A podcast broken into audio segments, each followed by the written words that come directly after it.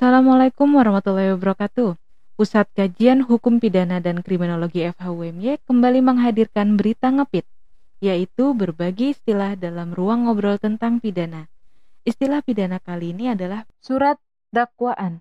Surat yang dibuat atau disiapkan oleh penuntut umum yang dilampirkan pada waktu melimpahkan berkas perkara ke pengadilan yang memuat nama dan identitas pelaku perbuatan pidana kapan dan di mana perbuatan dilakukan, serta uraian secara cermat, jelas, dan lengkap mengenai perbuatan tersebut yang didakwakan telah dilakukan oleh terdakwa yang memenuhi unsur-unsur pasal-pasal tertentu dan undang-undang tertentu pula yang nantinya merupakan dasar dan titik tolak pemeriksaan terdakwa di sidang pengadilan untuk dibuktikan. Sekian istilah pidana kali ini, semoga bermanfaat.